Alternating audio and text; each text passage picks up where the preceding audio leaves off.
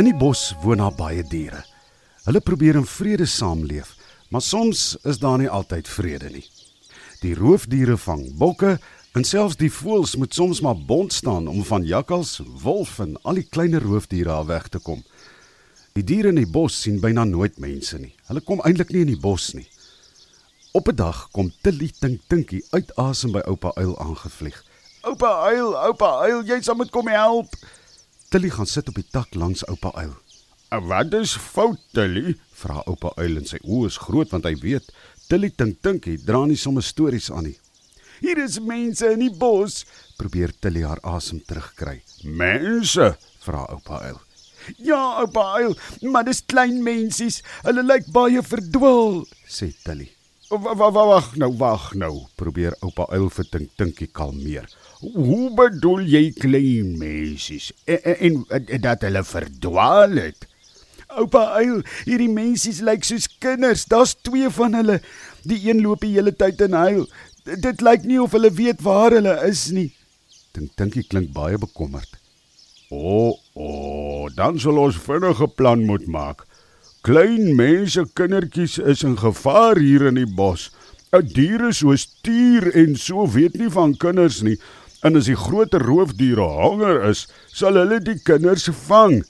Nee, ons moet nou baie goue plan maak. En met die vlieg die twee reguit na koning Louis se plat klip toe. Hulle vertel vir koning Louis van die kinders en in 'n japtrap het hulle 'n goeie plan. Oupa Uil en Tink Tinkie vlieg na die plek toe waar sy die kinders gesien het. En net toe hulle daar aankom, sien hulle die kinders het op 'n lappie groen gras onder 'n boom aan die slaap geraak. "Ag, gesus tog," sê oupa uil. "Hulle is seker baie moeg." Maar toe sien hulle nog iets wat hulle groot laat skrik. Nie ver van die kinders af nie, is Lukas luiperd besig om die kinders te bekruip. Oupa uil gee harde roep en duik op Lukas luiperd af. Ho, ho, Lukas, wat dink jy doen? Jy los die kinders uit. Jy gaan in groot moeilikheid kom. Jy kan hulle nie vang nie. 'n Koning Louis het gesê niemand mag aan die kinders raak nie. Lukas luiperd skrik so groot vir oupa uil dat hy sommer net daar koers kry en spore maak. Van die geraas het die kinders ook wakker geskrik en huil nou vreeslik.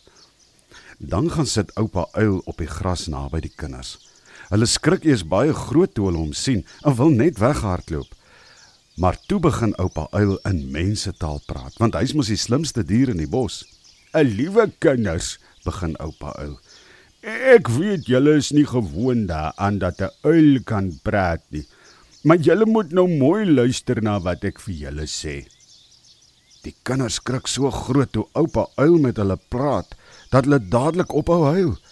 Hulle luister met groot oë na wat oupa uil sê. "En my naam is oupa uil," begin hy weer. "En ek is hier om julle te help en te beskerm." En kyk daar bo in die boom sit Tilly Tink Tinkie. Sy's ook 'n baie vriendelike voeltjie en, en het vir my kom vertel dat julle hier in die bos verdwaal het. Sê nou eers vir my, wat is julle name? Die seentjie staan op. Hy's so bly dat daar iemand is wat hulle help.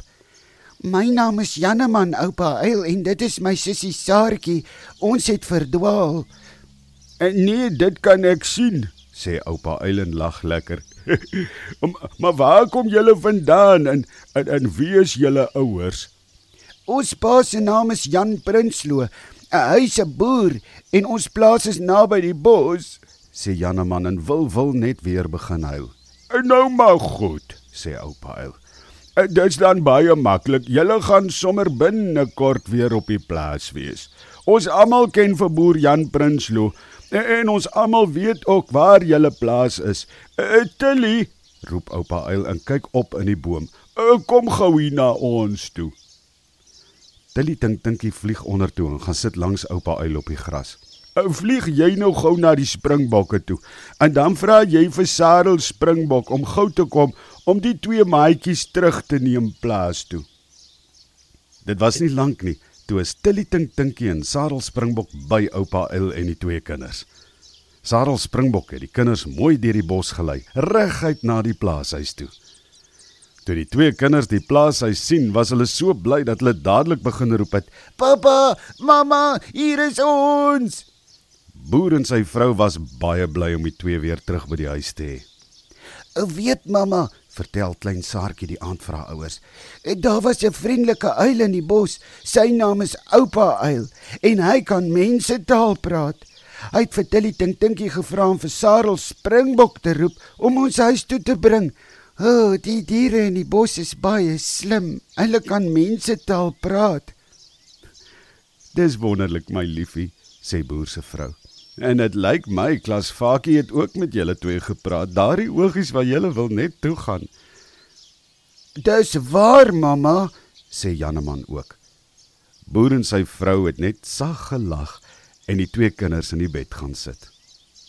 Daardie aand sit oupa Uil en Tilly Tink Tinkie hoog in die bloekhoutboom. Oupa Uil, sê Tilly Tink Tinkie.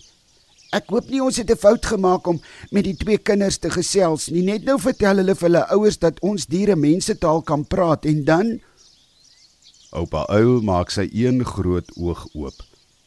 En nee, wat Tilly, jy hoef nie daaroor bekommerd te wees nie.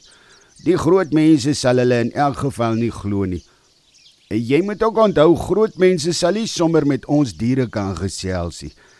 Net mense kinders kan ons verstaan want hulle is nog baie onskuldig. Ja, dis seker waar oupa Uil. Hy tog die mense kinders. Net soos ons diere kinders. Wil ook maar net weet wat op ander plekke aangaan.